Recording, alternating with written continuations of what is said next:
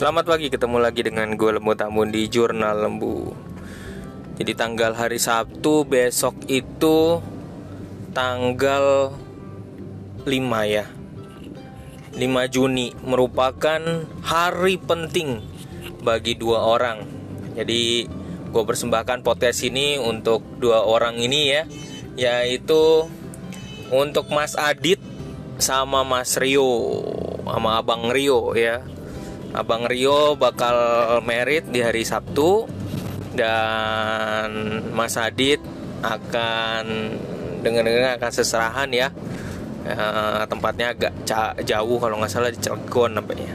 Nah, dan selamat e, ada dua e, dua acara penting di tang di satu tanggal yang sama ujung-ujungnya sih bicara soal pernikahan kembali lagi ya gitu. Saya lagi gue ucapin buat Mas Adit dan pasangan semoga lancar sese eh, acaranya terus kemudian buat Abang Rio dan calon istri semoga sukses untuk acara besok Sabtu. Jadi ternyata memang acara Sabtunya karena juga di gereja dan juga di tempat resepsi itu tempat orang-orangnya terbatas uh, protokol kesehatannya sangat ketat jadi gue ngucapin selamat aja.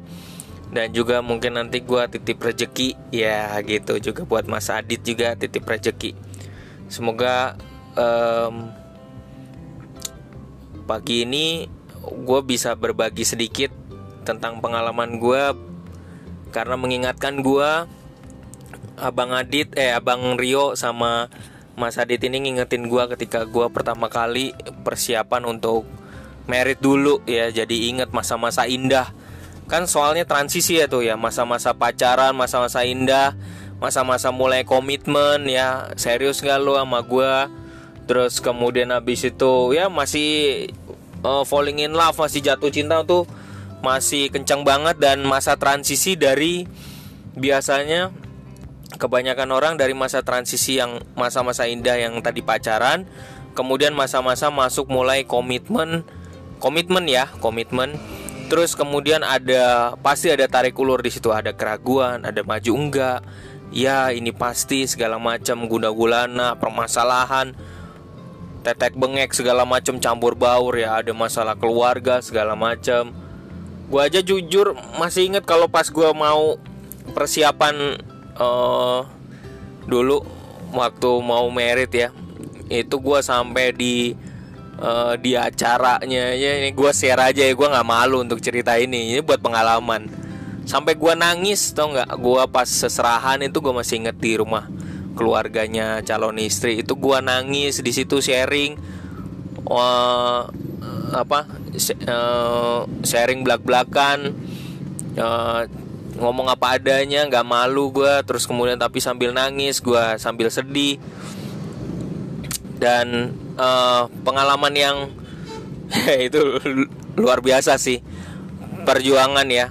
Uh, eh, gue nggak tahu Mas Adit pacaran berapa lama ya. Terus kemudian habis itu uh, Abang Rio pacaran berapa lama. Tapi pasti mengalami uh, jatuh bangun juga ya yang menariknya buat gue adalah beberapa hal penting yang perlu um, dicatat menurut gue ya menurut gue dan menjadi kekurangan gue saat itu adalah ketika gue lagi ada persiapan uh, persiapan kursus perkawinan ya waktu itu itu uh, pembicaraan soal ya soal kalau misalnya soal e, membangun keluarga sih eh, nggak e, masalah ya.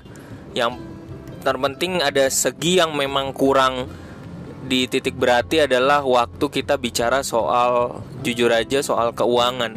Jadi memang saat itu gue juga masih belum ini ya belum banyak ngomongin soal keuangan karena gue juga belum saat itu belum banyak ketemu diskusi banyak dengan mentor keuangan gue waktu itu ya.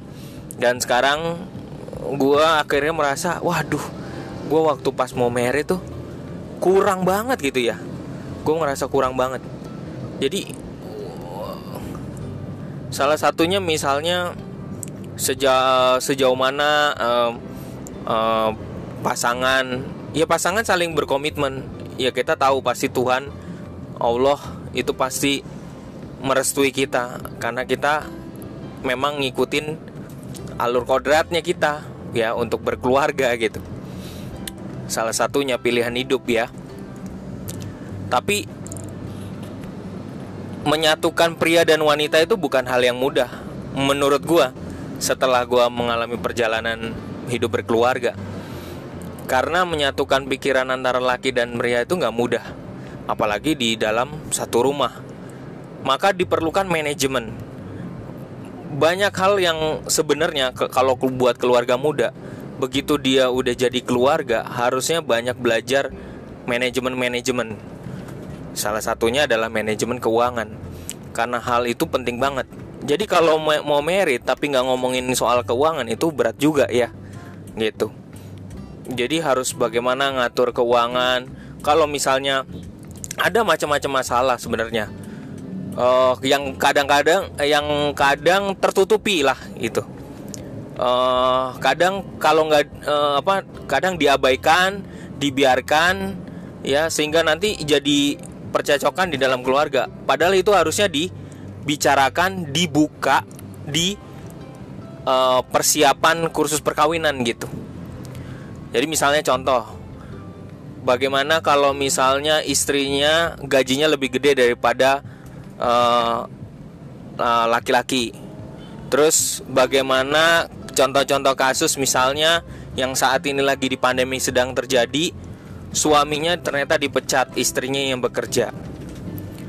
Terus bagaimana kalau misalnya ada contoh-contoh kasus misalnya uh, dalam mengatur keuangan ternyata uh, dia dia merit dulu terus punya anak belum punya pekerjaan terus baru mau nyari pekerjaan. Nah banyak hal-hal yang seperti itu yang harusnya dibicarakan dalam manajemen keuangan yang disertakan harusnya disertakan diperkuat di persiapan kursus perkawinan. Memang kalau di persiapan kursus perkawinan mungkin lebih banyak nadanya uh, berbau teologi mungkin gitu ya.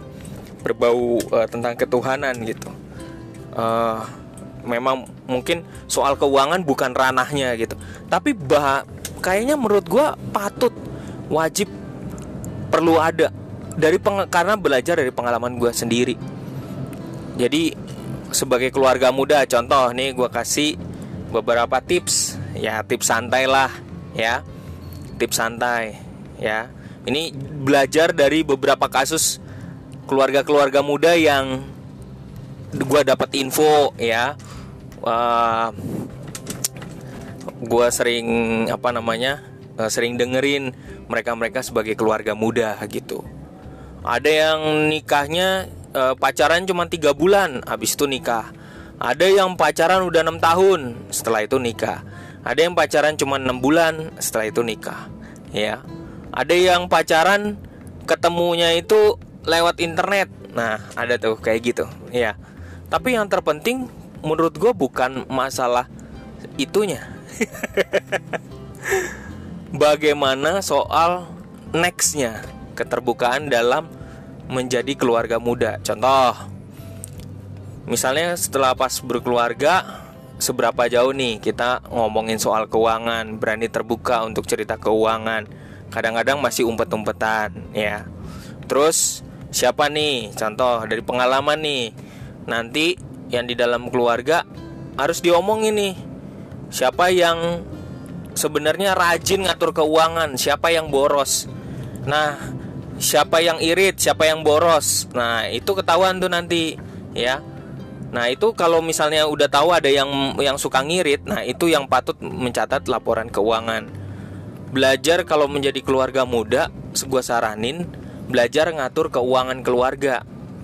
Kita juga bikin keuangan pribadi karena setelah menikah, kalau mem kalau dalam perjalanan ternyata amin kan punya anak gitu, wah itu bu bukannya nyantai, itu malah berat tuh setelah menikah pengeluaran-pengeluaran juga makin banyak. Nah, itu tantangan sendiri ya. Jadi bukan hal yang mudah. Kalau bisa banget kalau memang kali apa pasang Mas Adit nanti sama pasangannya atau Karyo Abang Rio sama pasangannya itu bisa saling klop, saling open mind, open minded ya, saling terbuka dalam mengatur keuangan. Wah, itu top banget karena nggak semua pasangan keluarga baik keluarga muda maupun keluarga yang udah tua ya gitu dengan mudah untuk bisa saling benar-benar terbuka soal keuangan ya.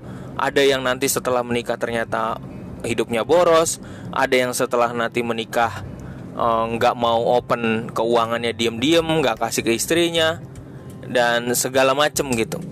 Nah ini tantangan tantangan tersendiri ya. Itu uh, bukan hal yang mudah. So nanti next ada uh, podcast lanjutannya nanti gua buatin. Ini sekedar pembuka aja podcast gua pagi-pagi pas lagi berangkat ngantor jadi ya perjuangan seorang bapak mau mengantor sekalian bikin podcast. Oke. Okay. Jadi um, selamat buat Mas Adit. Thank you Mas Adit kalau lo lagi dengerin podcast ini. Uh, mohon dimaafkan kalau ada kalimat yang kasar. Uh, terus juga thank you Abang Rio. Uh, terima kasih juga kalau lo lagi dengerin podcast gue ini um, semoga menjadi inspirasi dalam persiapan membangun keluarga. Uh, dan nanti untuk Mas Adit sama Bang Rio uh, rezekinya menyusul ya. Nanti uh, dititipin. Terima kasih buat pagi ini. Salam ceria selalu sukses selalu. Thank you. Uh, bye bye oke. okay.